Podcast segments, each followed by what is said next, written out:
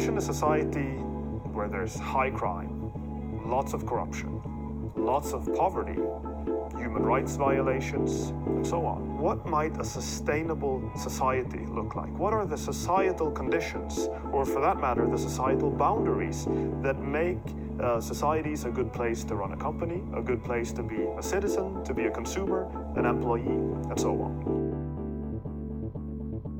Da var det nytt bærekraftseventyr, Sveinung. Og um, i dag skal vi ta fatt i et uh, stort spørsmål.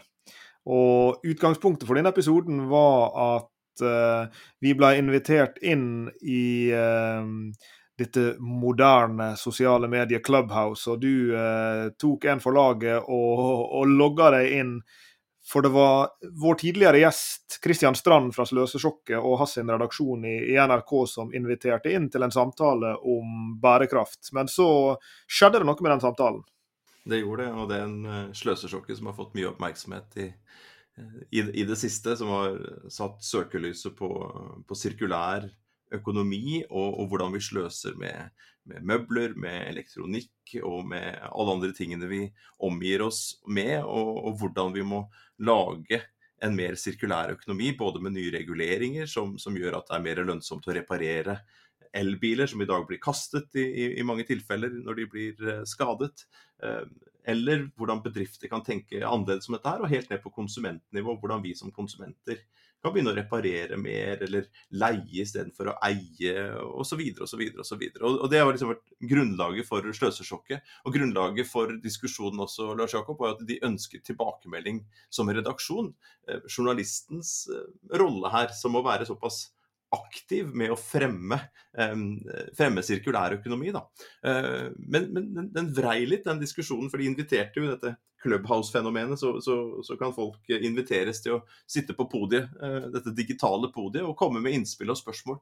Og flere av de spørsmålene handlet om sosial bærekraft. Hva med mennesket oppi dette her? Hva med arbeidsplasser? Hva med, hva med kårene til de som, som driver i produksjon, enten det er nær oss eller langt unna? Uh, og de ble også utfordret til å tenke da nye programkonsepter. For nå har de jo vært innom sirkulærøkonomi, sløsesjokket, og så har de vært innom mat og matsvinn. Og så, og så var det noe som lufta opp hva med å tenke sosial bærekraft og innovasjon knytta til det.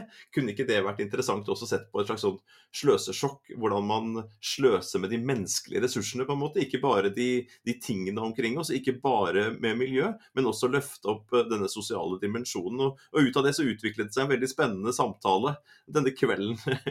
Eh, hvor, tematikken liksom Ja, hva er da sosial bærekraft eh, egentlig? Hvordan kan vi identifisere det? Hvordan kan vi måle det? Hvordan kan bedrifter ta tak i det? Og hvordan kan myndigheter eh, og land eh, ta tak i det. Og så går det jo en, en, en diskusjon i Norge akkurat nå f.eks. om denne økningen av CO2-avgiftene. Hvem er det som skal plukke opp regninga for det? Hva er det som er liksom rettferdig da knytta til dette her? Så dette her er jo liksom det, det, det det knytter seg liksom an mellom det økonomiske og det miljømessige, og inn i det sosiale, inn i disse menneskene både i Norge og, og globalt. Og Det er jo ikke første gangen eh, dette spørsmålet har poppa opp i våre liv. Tvert imot så har vi blitt stilt dette spørsmålet direkte veldig mange ganger. Eh, og den som jeg assosierer med spørsmålet, Eh, og som jeg tenkte på når du eh, rapporterte til meg fra dette Clubhouse-rommet, det var eh, min gode venn Therese Jepsen, som jobber i, i Raftostiftelsen, som er jo en en uh, sånn NGO som jobber med menneskerettighetsspørsmål. Og, og hun har jobba dedikert med disse problemstillingene i veldig mange år, i, i tett samarbeid med næringslivet. Og hun har utfordra meg på, på, akkurat det her mange ganger. Når jeg treffer henne på NHH, når jeg treffer henne på fjellet her oppe vi bor, så spør hun meg ja, i dette begrepet dere, Lars Jakob, bærekraftige forretningsmodeller, hvor er plassen til den sosiale bærekraften. Og når dere snakker om disse innovasjonsmulighetene i det grønne skiftet, er det, likeledes innovasjonsmuligheter i et slags sosialt skifte? Altså i sosiale forbedringer? Og Dette syns jeg jo er knallgode eh, spørsmål, og, og så må, må, vel jeg og du innrømme at i, i vår forskning og i, i, vårt arbeid så langt, så har jo vi brukt mest tid og mest uh, innsats, om du vil, på å jobbe med med, med miljømessig, eller kaller det grønn innovasjon, da. Men, men, parallelt har vi jo hatt en liten sånn langvarig eh, voksenopplæring med oss sjøl på å også spørre oss ja, hva er det disse samfunnsmessige avtrykkene betyr både slik de forholder seg til de miljømessige, for det var du inne på her i stad, at ja, når vi diskuterer CO2-avgift, så diskuterer vi også fordelingsmessige og rettferdighetsmessige spørsmål, eh, men, men, også i sin egen rett. Altså Vil du tenke at de samme forretningsmulighetene som f.eks. For ligger i et sirkulært skifte for en industribedrift, også ligger der i, et, uh, i sosiale forbedringer? Er det slik at du kan eh, nær sagt bli mer konkurransedyktig, mer lønnsom ved å forbedre det sosiale fotavtrykket ditt på samme måten som det miljømessige. Så her er jo det så veldig veldig mange spørsmål å ta tak i. Og enda har jo ikke vi begynt å brette ut hva som ligger i dette sosiale bærekraftsbegrepet. fordi og Det er det siste jeg skal si før du uh, skal få ta det videre. her. Hvis du går inn på FN sin nettside, som mange sikkert gjør titt og ofte, og kikker på de 17 bærekraftsmålene, så er det jo slik at eh, det er jo et flertall av de som faller inn under den sosiale bærekraften. Åtte stykker i denne her hierarkiske modellen til Stockholm Resilience Center, der de stykker opp SDG-ene i tre sånne smultringer som ligger over hverandre. Åtte av de 17 er jo da kategorisert under headingen 'society'. Så, så, det er jo absolutt ikke sånn at uh, den samfunnsmessige bærekraften er en lillebror i, i SDG-forstand. Tvert imot så utgjør han jo, uh, i rent sånn tallmessig, da, et flertall av um, bærekraftsmålene. Så, så, her er det mye å ta tak i. Og de er vel også knyttet til de økonomiske målene i bærekraftsmålene, så da kan du vel regne enda oppover. Ja å få enda flere. For mange av disse økonomiske målene er jo tett knyttet opp til, til de sosiale. Det å, å ha arbeid Plass. Unnskyld. Det å ha en arbeidsplass, f.eks. Det, det å tjene penger. Ja, Det der er interessant. Jeg må bare skyte inn det, i stikkordsform. At uh, bærekraftsmål nummer åtte, decent work and economic growth, det er jo faktisk kategorisert under økonomi og ikke under samfunn. Men hvis du ser hva som ligger bak decent work, så er jo det nettopp slike ting som Therese og Rafto-stiftelsen ville vært opptatt av. Altså, hvordan er arbeidsvilkårene i en lang og kompleks internasjonal verdikjede? Er det barnearbeid der? Er det slavearbeid der? Osv. Det har jo med decent work å gjøre. Lars Jakob, jeg synes du, du, er en ydmyk kar, det vet jo alle som kjenner deg godt. Men jeg synes du er litt... Ja, det er mitt store problem, faktisk. jeg syns du er litt streng mot deg sjøl og, og, og, mot oss ved å si at vi ikke har tatt den der sosiale dimensjonen. For hvis vi, hvis vi skrur klokka litt tilbake og, og ser på den kanskje den første, altså Det var vel den første internasjonale tidsskriftartikkelen vi publiserte sammen. Det var jo i tidsskriftet European Journal of Social Work, hvor eh, du og jeg gikk inn og så på rusreformen da på begynnelsen av 2000-tallet i, i, Norge. Eh, og vi tok utgangspunkt i denne kollektivtradisjonen, Tyrili og andre sånne kollektiver, eller liksom jobbet da med rusbehandling i et sånt sosialpedagogisk perspektiv, hvor folk var der lenge, hvor de fikk hjelp eh, både til eh, med, psykologi og medisin og helse, men veldig på en sånn sosial dimensjon. Det å, å, å bli en del av samfunnet, få seg en arbeidsplass, bygge opp identiteten sin. Eh, og, og, som er veldig sånn, så, og, og vi, vi utfordra jo da denne, denne reformen i dette, i dette paperet som var mer medisinsk orientert, hvor hvor ansvaret for rusmiddelomsorgen og, og, misbrukerne gikk fra uh, fylke kommune og over til eh, staten og inn til sykehusene, hvor det ble anbud uh, og, og, og, mer sånn økonomisk logikk og økonomisk rasjonalitet bak, bak, dette, og også mer medisinsk. Og helst finne en pille som kan hjelpe mot alt. Og i den, i den perioden her så følte jo disse kollektivene, de mer sånn sosiale tiltakene, følte seg sånn overkjørt på, vis, på, en, på en måte. Og vi var nok litt negative, for når vi ser det nå nå i ettertid, så har det jo gått uh, ganske bra. Og vi ser jo sånn som på, på, på Tyrili-stiftelsen og Tyrili, som vi er uh, tilknyttet på, på, ulike måter fremdeles, så ser vi at vi har klart å, å balansere dette her bedre enn det vi, vi, la opp til da. Men hvis vi kikker liksom bakover der, Lars Jakob, og også hva vi driver med utafor det å, undervise og forske på, et av de siste eksemplene jeg, tenker på, en ting er liksom historisk, men også nå veldig nærtid, som vi prata med Fredrik Barth om, og som vi har fått støtte til av Agenda Vestland, Eh, det er jo knyttet til Nordic Circles og det å, det å ta oljerigger og skip og bygge um, eiendom av det. Altså, altså, gjøre om disse skipene og boreriggene til materialer man kan bygge eh, eiendom av. Og det er jo ikke bare Det er jo en sosial dimensjon unnskyld, jeg skulle, jeg skulle, begynne på andre måten. Det er jo en miljømessig dimensjon der. Det å utnytte disse ressursene på et høyere nivå, som vi ofte snakker om sånn sirkulærøkonomisk. Men i søknaden og arbeidet rundt så ligger det jo også hvordan skal man skape arbeidsplasser etter den oljeøkonomien som vi har hatt glede av lenge, og vi skal gå inn i en ny økonomi. Eh, og hvordan skal vi da sikre at det skaper arbeidsplasser, at man kan få betalt eh, skatt? Hvordan kan dette her gripe inn i utdanningen, eh, lærlingutdanning? Hvordan kan dette her skape et, et samfunn rundt det? Så, så jeg starta litt sånn med litt kjeft for at jeg sier at du er litt streng der. For jeg, jeg tenker at det ligger ja, kanskje litt mer implisitt. Og det er så lett å snakke om rent vann i springen og et hav uten plast. og Da, da klapper alle sammen. ikke sant? Det, det, så fort du begynner å komme inn på klima, f.eks eksempel, og si at det er et klimaproblem, ja, da blir det, det er litt rynker i, i, panna. Det er litt mer abstrakt. Og, og, når vi beveger oss inn i dette sosiale, at, at, noen, enten det er samfunnet eller bedrifter, skal ha ansvar da, for folks ve og vel.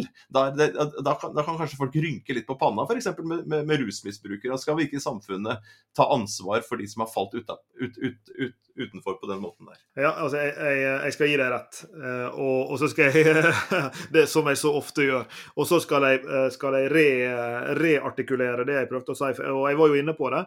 For jeg, jeg, tror kanskje at, at det er en sånn en sånn implisitt kategoriforskjell mellom den sosiale og den miljømessige eh, dimensjonen som ofte brukes. og Dette var vi inne på i den episoden vi hadde om, om, som heter 'vesentlig forvirring', som handler om bruken av dette vesentlighetsbegrepet i bærekraftsmåling og rapportering. Og Da snakka vi om det her at altså der er noe ved, ved en del miljøavtrykk, ikke alle, men en del, som kanskje er lettere å fange opp antall CO2 per uh, liksom kjørte mil med, for logistikk, antall uh, energi-kilowattimer forbrukt per kvadratmeter butikk. Og så har du sånne sammenlignbare indikatorer, og som også kan føres mer eller mindre direkte tilbake igjen til, til bedrifter. Det er selvfølgelig massevis av miljømessige indikatorer som ikke er sånn. altså Jeg kan forestille meg at, at tapt biodiversitet f.eks. er litt vanskeligere å føre tilbake til den enkelte bedrift eller for den del den enkelte bransje. Mens på, på den samfunnsmessige sida, som vi var inne på i denne episoden, så, så er det jo mange sånne fotavtrykk som er krevende å tilbakeføre til, eh, til enkeltstående økonomiske eh, enheter og beslutningstakere. Ta noe sånt som en korrupsjonskultur, f.eks. Korrupsjon er jo et type samfunnsmessig fotavtrykk som, som er viktig, men som er vanskelig å, å få bukt med, og, og, som kan være vanskelig å måle. Det er vanskelig å, å få eh, gode og, og pålitelige tall på omfanget av og formen på korrupsjon, som vår gode kollega Tina Søreide, som er verdensledende ekspert på feltet, eh, ville fortalt oss. og Kanskje må vi invitere henne hit en gang for å, for å fortelle mer om det.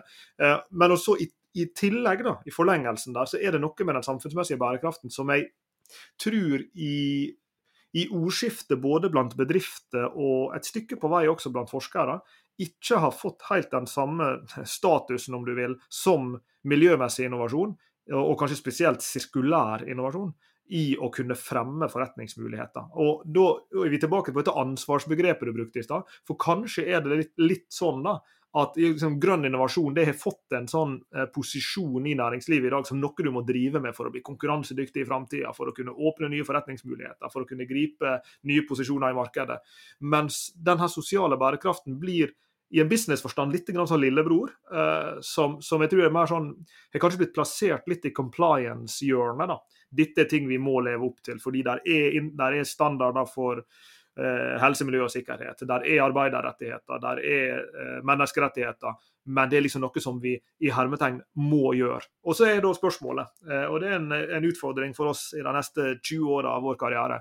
Ja, Er de samme innovasjonsmulighetene der, er de samme kall det oppsideeffektene der av disse typene sosiale forbedringer? Kall det sosial innovasjon. Eh, og, og, på, og Nå, nå over, overforenkler jeg selvfølgelig, men, men, jeg mener at her er noe i denne skillelinja. da, At den der samfunnsmessige fotavtrykket, den sosiale bærekraften, ofte havner litt i den liksom under compliance-paraplyen, da, om du vil. Og det, og det vi, vi, har pratet om dette her på, på, ulike måter, og vi jobber med det på, på ulike måter. og vi F.eks. i en episoden da, hvor vi snakket om vesentlig forvirring innen bærekraft med disse vesentlighetsvurderingen, eller materiality som det heter på utenlandsk. Eh, hvor man da skal prøve å avdekke, avdekke hva som er viktig for, for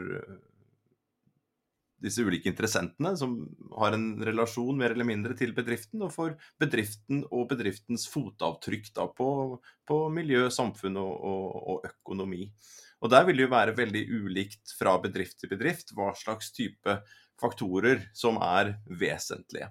Eh, og I noen tilfeller så vil vel dette sosiale eh, være mye viktigere enn for andre. I undervisning så bruker vi ofte Carlsberg, for de har etter vårt skjønn gode bærekraftsrapporter. De er åpne på, på, på mange problemstillinger. De, de viser fram sine, sine vesentlighetskart og, og, og definerer hva som de opplever som ekte problemer som de har et ansvar for, for, som du sier, og også hvilke muligheter som kan ligge der eh, for dem. Og Der er jo den sosiale dimensjonen veldig viktig for et, et, selskap som lager alkohol. da. Så På oppsiden av det er jo det noe som veldig mange setter pris på. Det, det, det, det mange vil argumentere for at det eh, altså sånn Rent sosialt så kan, kan, det ha en positiv effekt. Og så vet vi samtidig eh, bak der at det ligger eh, både mørketall og, og, svært åpne tall på hvor negativt dette her eh, er. Og så må de da vise liksom, ok, hva er det vi gjør med dette her. Hvordan er det vi integrerer den sosiale dimensjonen knytta til alkoholisme da, og overforbruk. Eh, at unge folk drikker, at folk som kanskje har en medisinsk tilstand eller er gravide, drikker, drikker for mye. Um, og så har de begynt å merke flaskene sine på det. Men de er veldig åpne på at det er en del av deres fotavtrykk, det sosiale fotavtrykket, at de må ha et ansvar for å gjøre noe med det. Samtidig som de er åpne på at det er jo ikke så veldig lett. Det er jo ikke så lett å gå ut og, og, og gjøre noe med dette her, eller integrere det inn i sin forretningsmodell, altså at de skal selge mindre alkohol at det for å, å, verne omgivelsene. Det er, sånn, det er jo litt sånn som med Norsk Tipping også. Jeg husker ikke akkurat hvordan nettsiden ser ut nå, eller jeg vet ikke. Men, men før så sto det litt på ene siden tipper du ikke, så vinner du ikke. Eh, og så sto det liksom nede i det andre hjørnet eh, ikke tipp for mye.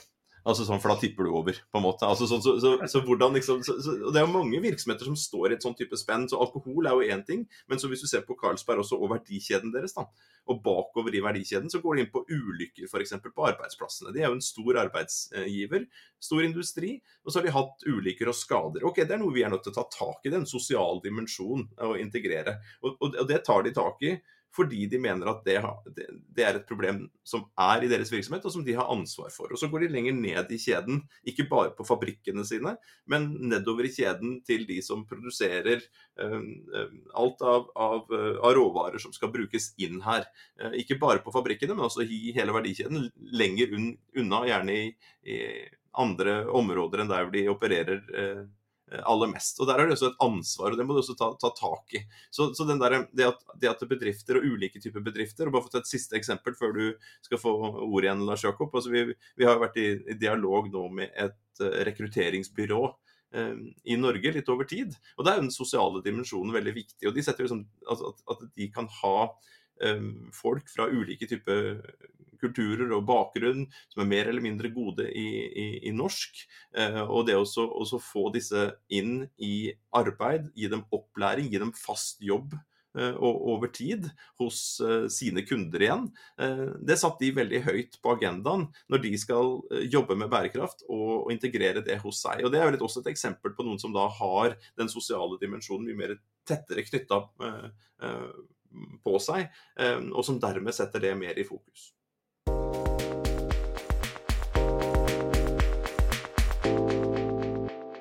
Og Det her er jo veldig interessant, det, det som du trekker opp mellom linjene her, og som, som gjør dette temaet med sosial bærekraft så, så, veldig omfattende, og jeg vil nesten si mer omfattende enn miljømessig. fordi altså Hvis vi tar, eh, hvis vi tar EU sin taksonomi, da, som vi har hatt en episode om tidligere for, for bærekraftig finans, så, så opererer de med seks sånne bærekraftsområder. ikke sant, med Klimaendringer, klimatilpasninger, biodiversitet, sirkulærøkonomi osv.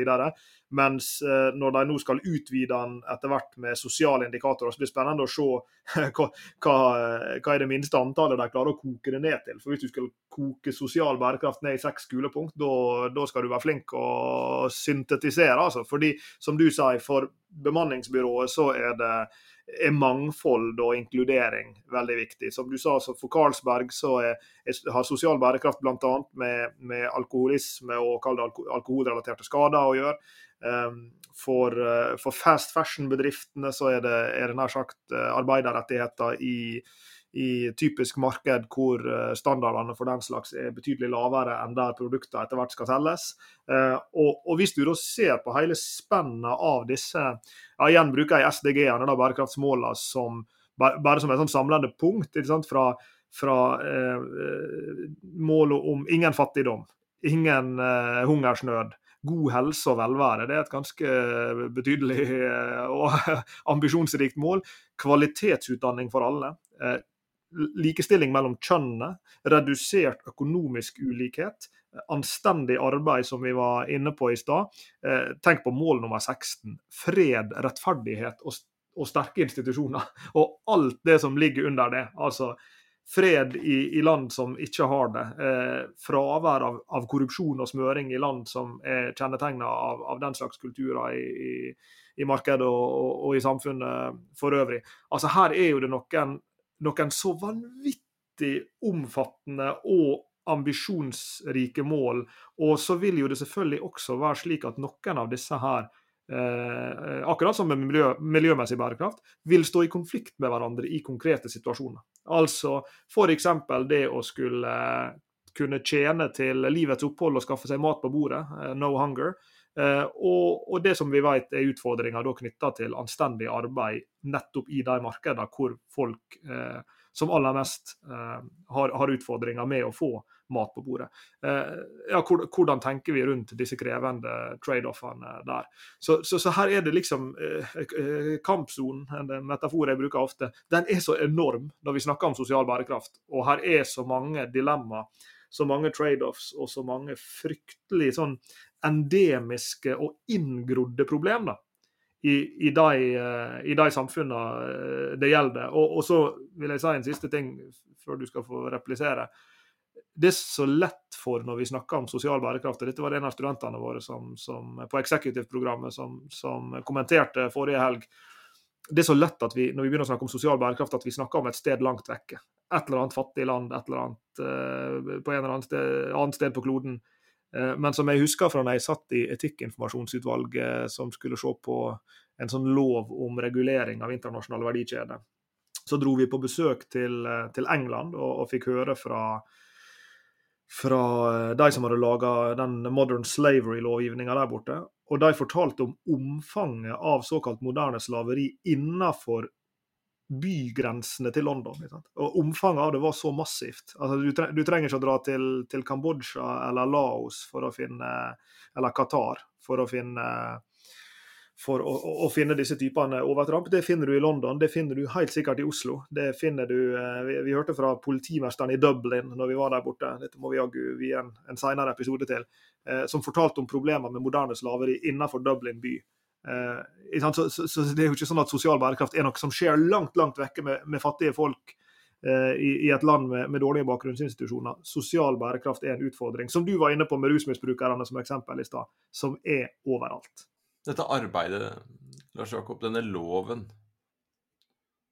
hva, hva, ligger bak det? For eh, jeg skal ikke bruke hele dagen på å kjefte på deg, men du, du sa jo i stad liksom at nei, vi har ikke jobba så mye med den sosiale dimensjonen. Jo, forresten. Kommer det noen Nei, jeg satt jo dette utvalget som skulle se på den lovgivningen sammen med en, en rekke andre, og vi så på problemet. Vi reiste rundt og snakket med, med, med, folk i andre land og hvilke utfordringer de hadde, og hvordan de hadde løst det. Og så kom vi med et forslag til slutt. ikke sant? Så den tredje, tredje kjeften som jeg skal, skal gi. I, i, du, jeg håper du fortsetter å kjefte på meg lenge. Jeg skal, jeg skal samle på meg. Tredje, tredje kjeftepunktet. Men, men, fortell litt mer. altså Hva var bakgrunnen for at dette utvalget ble, ble satt ned, og, og, hva var det dere konkluderte med? For jeg mener at det er kjempeviktig når det gjelder sosial bærekraft. Å ja, og det, her lover jeg eh, på tro og ære at dette skal vi vie en hel episode til, så dette blir uh, nugget-versjonen. da.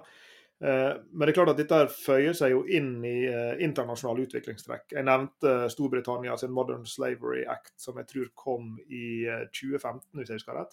Så har jo Frankrike en tilsvarende som heter noe à la Le Loi de Vigilance eller noe sånt. Det interessante med den i Frankrike er at, at der driver nå store NGOs og og prøver å få til sånne class action suits for å, for å, teste loven. Altså for å se om de kan klare å stille noen store virksomheter med, med globale verdikjeder til veggs. Så det, det, vil jo i så fall bli interessant. Franskmenn er jo ikke redd for å, for å, for å stille hverandre til veggs eh, på, på den måten.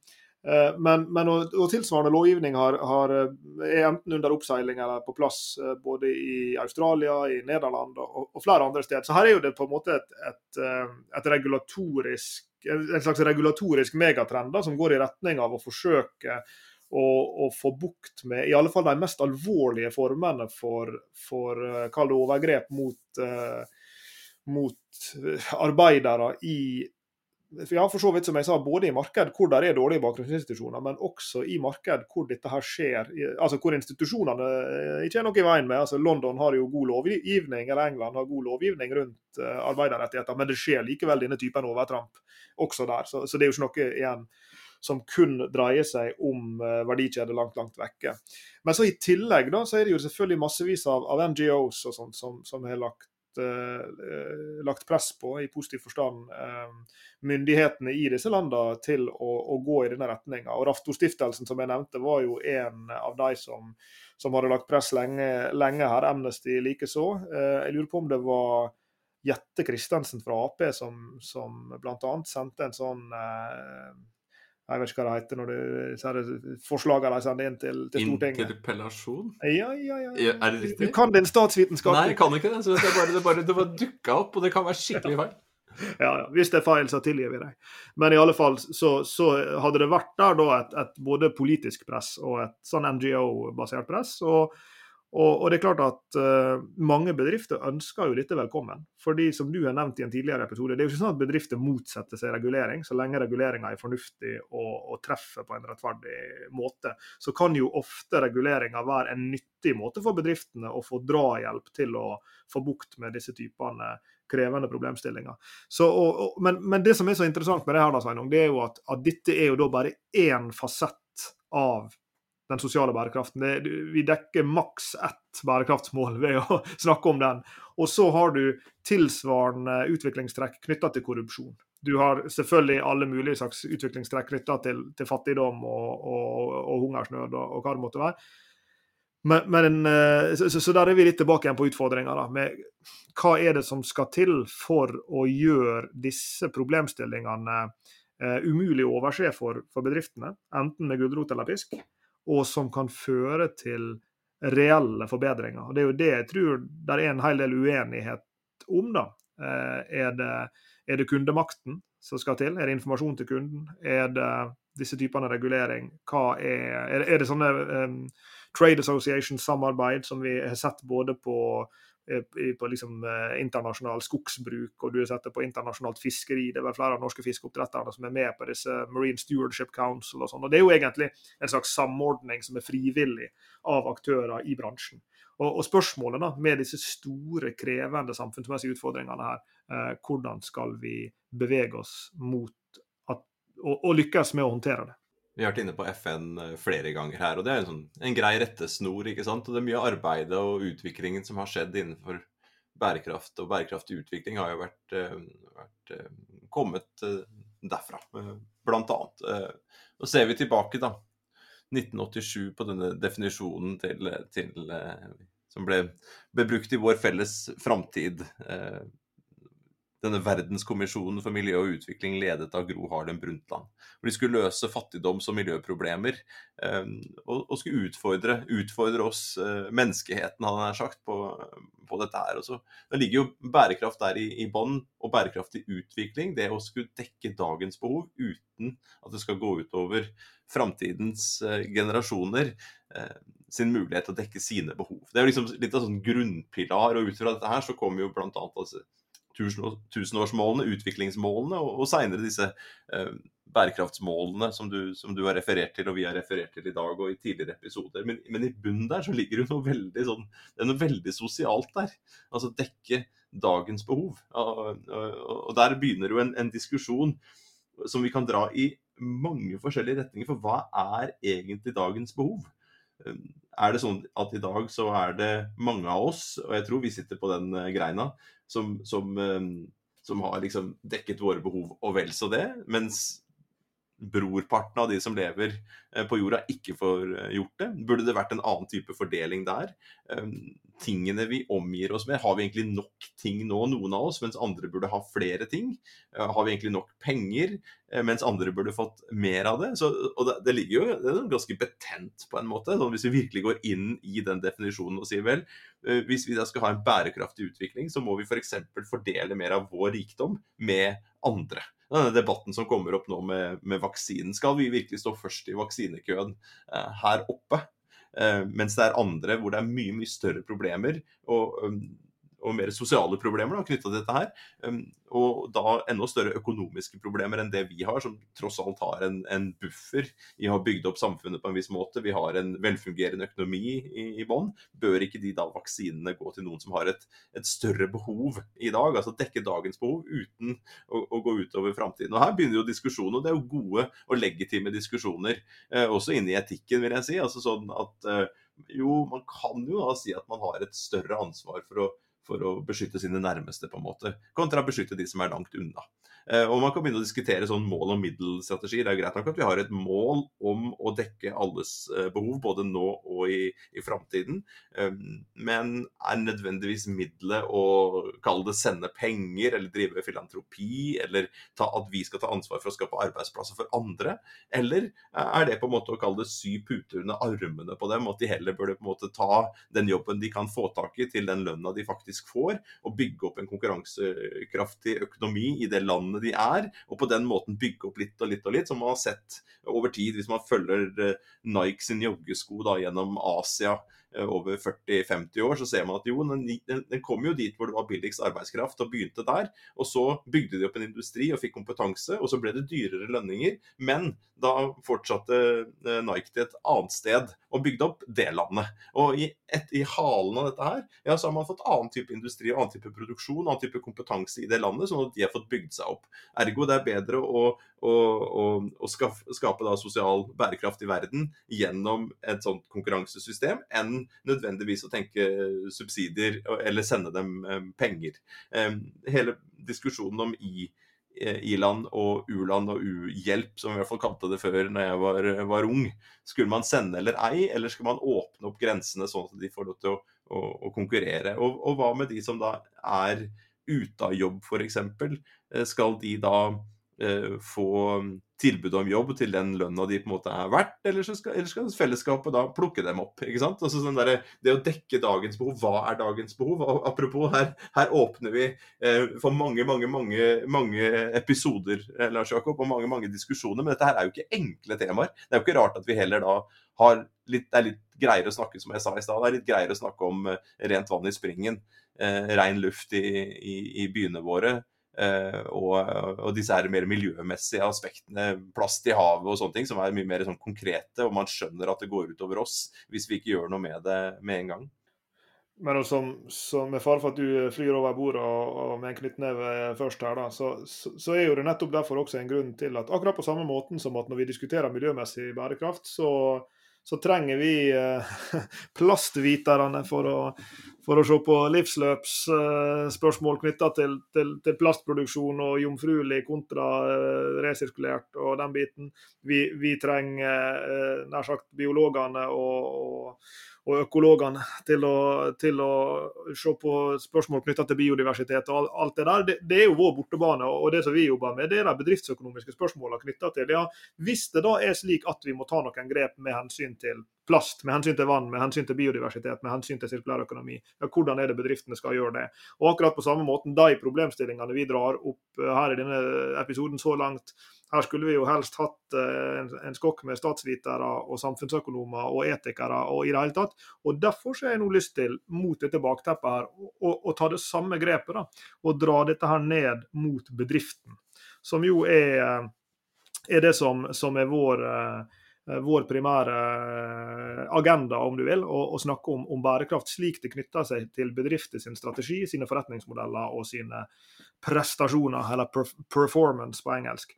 Og eh, Vi snakker jo i denne episoden om, om vesentlighet, så snakker vi om eh, SASPI, The Sustainability Accounting Standards Board.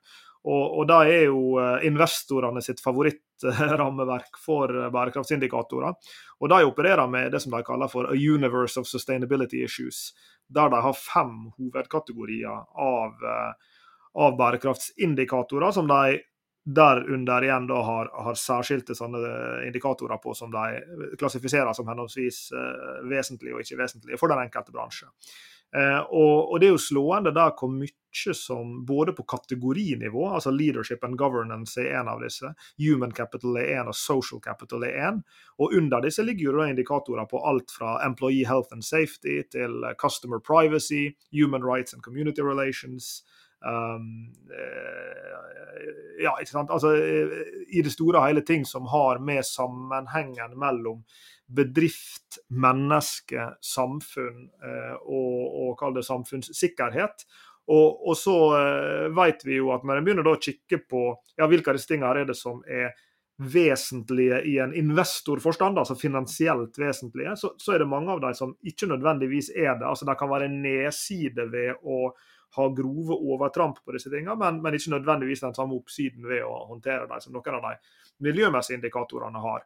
Og Det samme ser du hvis du går inn i Global Reporting Initiative, som vi tidligere introdusert i, i den samme episoden der som, som kall hoved... Konkurrenten blir feil begrep, men altså den, det andre store rammeverket for, for disse typene bærekraftsindikatorer, så, så, er det jo også der kategorier knytta til aspects of labor practice and decent work, human rights performance, uh, product responsibility performance. Hva er effekten av å bruke disse produktene for kunden, f.eks. Så nær sagt uh, ulike grader av eksternaliteter av, av, positiv og negativ karakter. Og, og dermed det positive var jo du inne på det at der er jo positive bivirkninger av at disse multinasjonale selskapene reiser rundt, er med på å uh, utdanne enten formelt eller uformelt uh, arbeidskraft, er med på å spre økonomisk virksomhet i vid forstand i, i de markedene som det kanskje ellers ikke ville vært tilsvarende virksomhet i.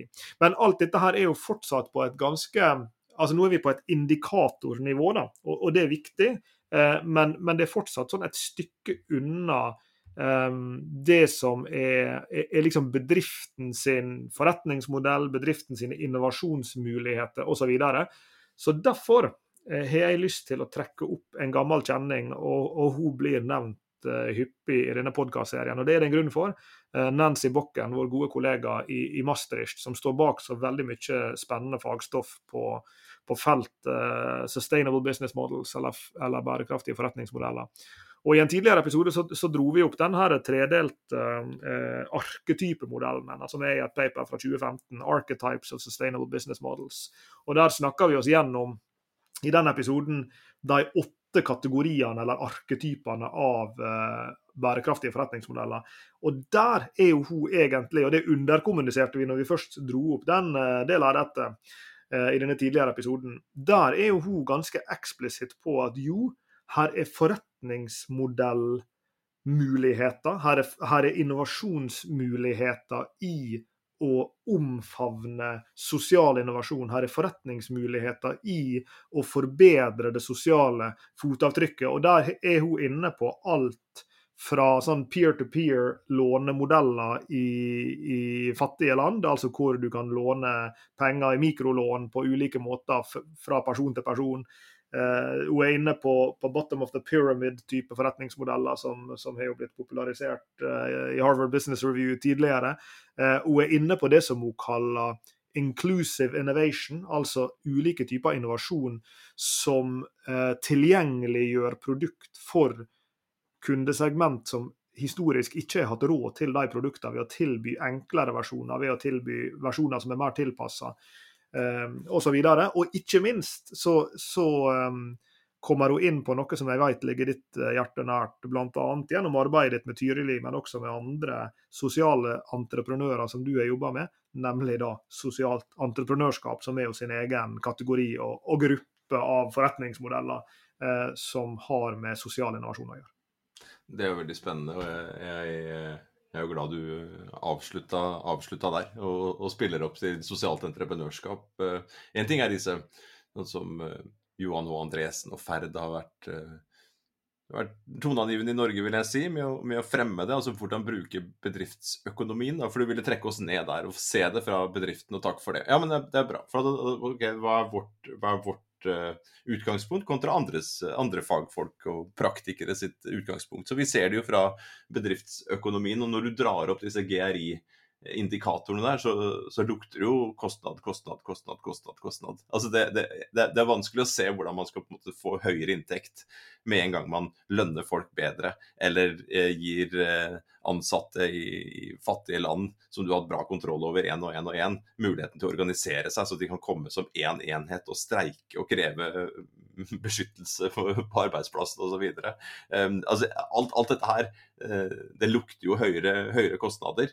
Er det da mulig i noen tilfeller med høyere lønn f.eks. at du kan bygge opp en, en, en nærhet da, til, til, dine ansatte? Du får beholdt de, de beste um, som, som, vil være der eh, lenge og utdanne seg sammen med bedriften og yte, yte godt f.eks. Da kan man finne noe sånn OK, det, vi, vi, investerer i, i, de ansatte, og så kan vi få det igjen uh, på, på, ulike måter. Og vi, vi har jo delt opp Lars Jakob, i sånn um, fire enkle uh, skal bærekraft lønne seg, da, sånn generelt sett, så må det føre til økte inntekter eller reduserte kostnader, som på kort sikt, og så litt lengre sikt bedre omdømme eh, og redusert risiko.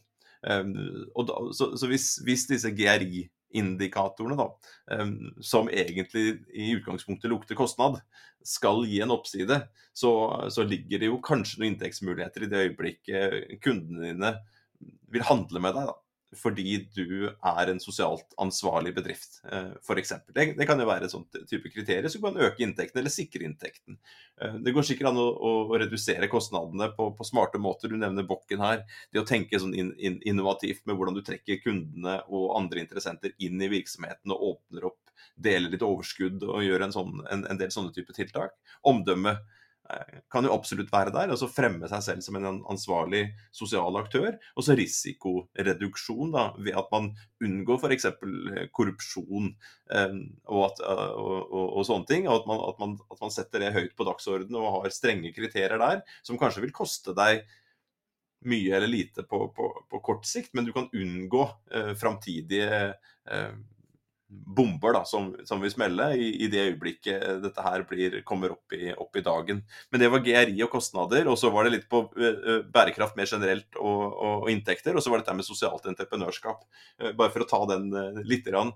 For det det å kunne bruke disse bedriftsøkonomiske Den logikken, da. og Du nevnte Tyrili her, og jeg sitter jo i styret i Tyrili klatresystemer, som har holdt på en eh, Og jeg klarer ikke å dra året, men sikkert 30 år fra de begynte å, å, med, med pasienter, elever som de kalte det da, i rehabilitering, som bygde uh, vegger og drev et klatresenter i Oslo. Som ble flytta hit til Lillehammer, hvor vi har et fantastisk klatresenter i dag, hvor 16 nå pasienter i rehabilitering drifter dette senteret. De er der et, et, et, års tid i behandling, og som en del av behandlingsopplegget så, så går de fra å være rusmisbrukere til å bli klatreinstruktører eller servicemedarbeidere, eller de selger klatreutstyr osv. Så videre. sånn finnes det jo mange av eh, i dag, og det blomstrer opp da i sånne startups entreprenører som starter på den måten her, men også i andre bedrifter som sier ok, hvordan kan vi nå integrere folk som har ramla utafor, og som ellers ikke ville fått jobb, ja, kanskje i samarbeid med Nav, sånn at vi kan få dekka lønn en periode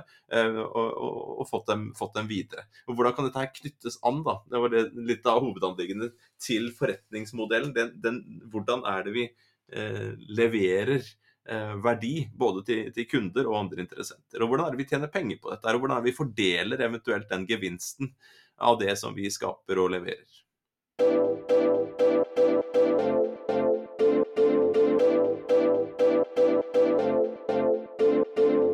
Nå er jo du kjefta på meg noen ganger i denne episoden, og jeg kan kjefte litt på meg sjøl. Eh, fordi at jeg, jeg starta jo litt uh, defensivt i denne episoden, ikke, ikke bare på, på, våre egne vegne, men jeg starta også defensivt med, med henblikk på, på, de bedriftsøkonomiske mulighetene og innovasjonsmulighetene knytta til, til, sosial bærekraft. Men uh, så er det jo selvfølgelig slik at der finnes mange suksesshistorier der ute. Og du var inne på eh, altså Så verden er jo alltid mer kompleks og sammensatt enn en en skal ha det til når en forenkler på vei inn i en podkastepisode. Og Du var inne på hvordan uh, sosial innovasjon og sosiale forbedringer kan gjøre deg mer attraktiv overfor uh, kunder. Vi har tidligere snakka om disse regulatoriske rammene knytta til til eh, f.eks. Modern Slavery Act og tilsvarende lovgivning både her til lands og andre steder. I en tidligere episode vi snakka om EU sine nye grep rundt dette med menneskerettigheter og due diligence knytta til det, og, og som f.eks. investorer vil være, være bekymra for disse typene eh, egenskaper ved bedrifter.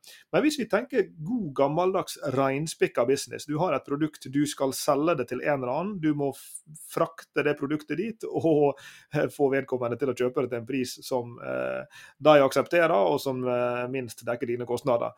Eh, så hadde det vært interessant å kikke på et selskap som Unilever. Eh, og, Unilever har jo selvfølgelig blitt kjent for i moderne tid å, ha ha integrert bærekraft i, i, operasjonene sine på mange måter, selv om de er et selskap med et kjempestort fotavtrykk, selvfølgelig. Og ikke minst under tidligere CEO Paul Polman så hadde de et veldig strukturert arbeid med, med bærekraftsinnovasjon. Og Jeg husker jeg hørte Paul Polman snakke om det her en gang, og da dro han fram et case som jeg syns er forbilledlig for å illustrere de mulige forretningsmulighetene, eh, og kall det fordelaktige forretningsmessige utfallene i å ta sosial bærekraft på alvor. Og Det handler om noe så kjedelig Sveinung, som distribusjon og logistikk. Og det er jo ikke kjedelig, det er jo kjempegøy med distribusjon og logistikk. Men hva er problemet til et selskap som Unilever, som bestemmer seg da på et eller annet tidspunkt for å f.eks. gå inn i Sørøst-Asia og skulle selge til et stort og voksende marked med økende velstand? Eh, jeg vet ikke når den store bevegelsen der inn i den delen av verden starta. Så god oversikt har ikke over Unilever sin uh, historikk, men det begynner å bli en del år siden. Og der er det jo en fantastisk uh, historie knytta til noe som du kan lese ut av Unilever sitt materiality map, eller vesentlighetsanalyse, hvis du går inn og ser på den. Og vi bruker jo den i våre egne forelesninger, for den er veldig god. Og Det som er slående, da, det er at gender equality and inclusion tror jeg det heter, er en av de mest vesentlige faktorene på det vesentlighetskartet. Og så Hvis du da begynner å grave deg litt ned, da, og det var dette Paul Polman fortalte om eh, så, eh, Og for de som er interessert i å lese om dette, så kan dere google Unilever og så 'Expanding Opportunities in Our Retail Value Chain'. For Det er en artikkel på, på Unilever sin nettside hvor de forteller om dette caset som Polman Eh, da snakker om. Og Det handler om å inkludere kvinnene i arbeidsstokken, ja. Og det kan jo være kontroversielt i noen av, av landene som det, som det, er snakk om. Eh, men å inkludere dem på en bestemt måte. For utfordringa som eh, Unilever hadde, det var at eh, distribusjonen i liksom last mile fram til kunden, den var jo ikke der i disse markedene. Og ekstremt store deler av handelen i de markedene det var snakk om, Filippinene er trukket fram som ett eksempel i, i denne artikkelen, Eh, det var gjennom en uformell økonomi med sånne street carts og ulike typer kiosker som er mer eller mindre formalisert, en del av formalisert økonomien. Og veldig veldig mye av dette er drevet av kvinnene. Så har du også en, eh, en sånn direktesalgs eh, Og det er jo street carts er jo en del av det.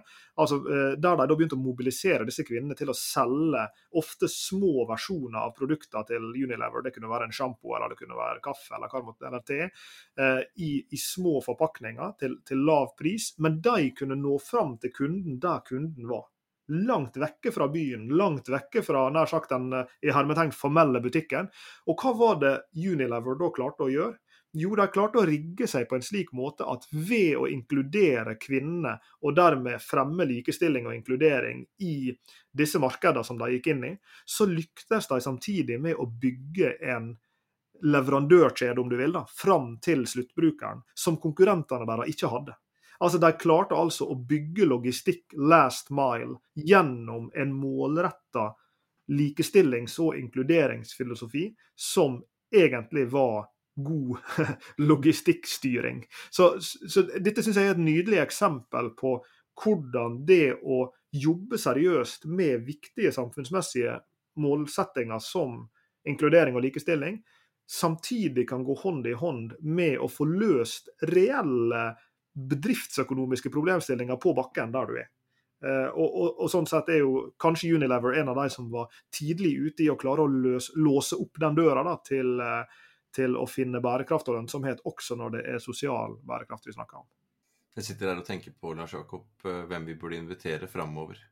Tenker på Amar Bukhari f.eks., som har arvet og tatt over etter faren sin, som starta en lillehamring, som, som starta en jenteskole og fabrikk i Pakistan, som begynte med å produsere filleryer.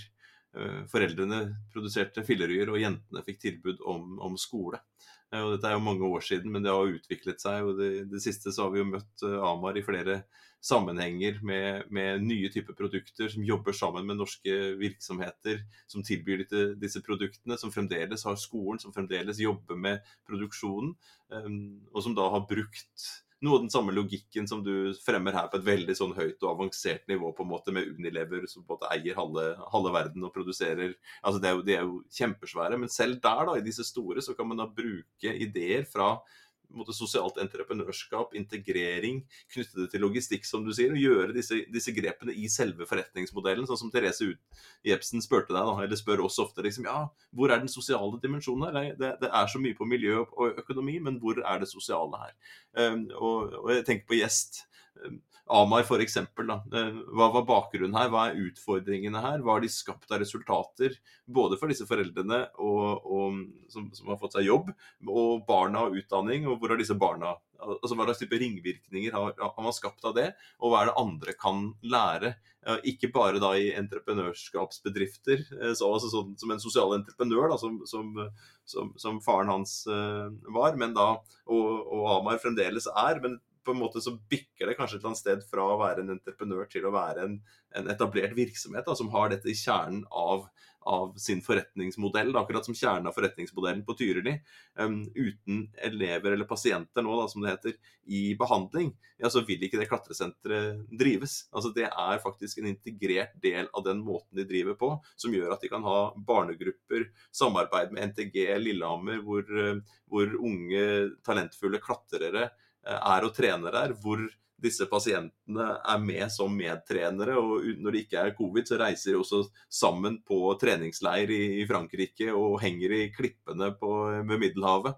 Altså sånn, altså det er også integrert i det de driver med. Og, så du har disse, disse, små eh, virksomhetene, mellomstore virksomhetene, og så har du disse store virksomhetene. Og, og, og gjester i den retninga der, det får vi nesten diskutere etterpå, Lars Jakob. Det har vært spennende å få inn noen ja, men altså, det har vært spennende å få inn noen som ikke var bare på entreprenørsida. Ja. Ikke bare i, i negativ forstand, men, men også da i disse store, etablerte virksomhetene som ser det nyttig da, å ta tak i de vesentlige problemene som, som, som, er en del av deres forretningsmodell, og som tenker eh, innovasjon i måten i produktene, og kanskje inklusiv at de hjelper kunder der ute å leve mer bærekraftig liv. At, de går, at, det går inn i måten det produseres på, i måten det blir fordelt på, i måten det blir gjort tilgjengelig. For hvis vi skal dekke dagens behov, da, og alle ikke skal ha sin egen bil eller egen drill eller egen hva nå enn vi, vi trenger for å dekke disse behovene, fins det forretnings... Eh, muligheter i det å tilby.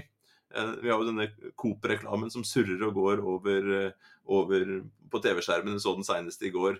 Det sto det 'delingsøkonomi siden 1887' eller noe sånne ting. Hvor han der amerikanske investoren som tror han har skutt gullfuglen, for han skal jo få alle disse pengene selv. Og så er den der ungdomsgruppa da, som har kommet opp med ideen, sier ja, men dette her skal jo fordeles blant kundene. Altså Den kooperative eh, tanken er også en sånn sosial dimensjon som, hvor det knyttes an til eh, bedriftene. Og Her i Gudbrandsdalen har vi en diskusjon nå på, på slakteriet, hvor, eh, hvor liksom det, slakteriet blir i den tradisjonelle kooperative norske modellen ble, ble, nedlagt. Og så skal det nå investeres i et, et, nytt et hvor private investorer går inn. Og da blir det som, ja, hvem skal eie det? Har de da en, en plikt til å ta imot sånn som de andre har?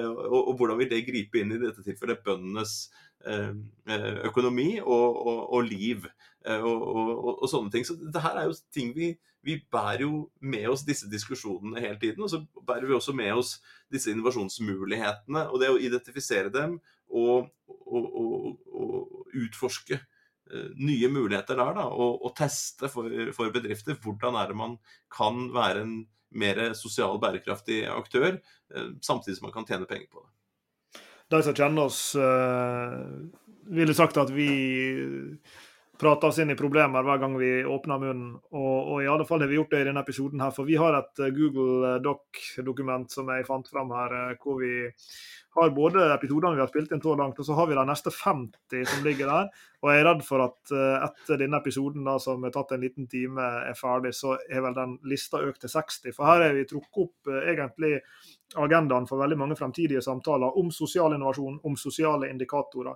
om en lov om åpenhet i internasjonale verdikjeder, om korrupsjon, eh, om nær sagt alle disse ulike fasettene. Impact investing, som er lagt mellom eh, linjene i det vi snakker om her, og sosialt entreprenørskap. Så vi skal få nok å drive med i bærekraftseventyr med Jørgensen og Pedersen fremover, Sveinung. Så takk for uh, praten der vi åpna opp en Jeg skal ikke si can of worms, men vi åpna i alle fall opp en boks uh, knytta til sosial bærekraft. Du har hørt på Bærekraftseventyr med Jørgensen og Pedersen. Send e-post til eventyr krøllalfa jorgensenpedersen.no for å stille oss spørsmål eller komme med forslag til tema for fremtidige episoder og besøk jorgensenpedersen.no for mer informasjon om denne podkastserien. Derfra kan du også fortsette samtalen med oss i sosiale medier på Twitter, Facebook, LinkedIn, YouTube og andre steder.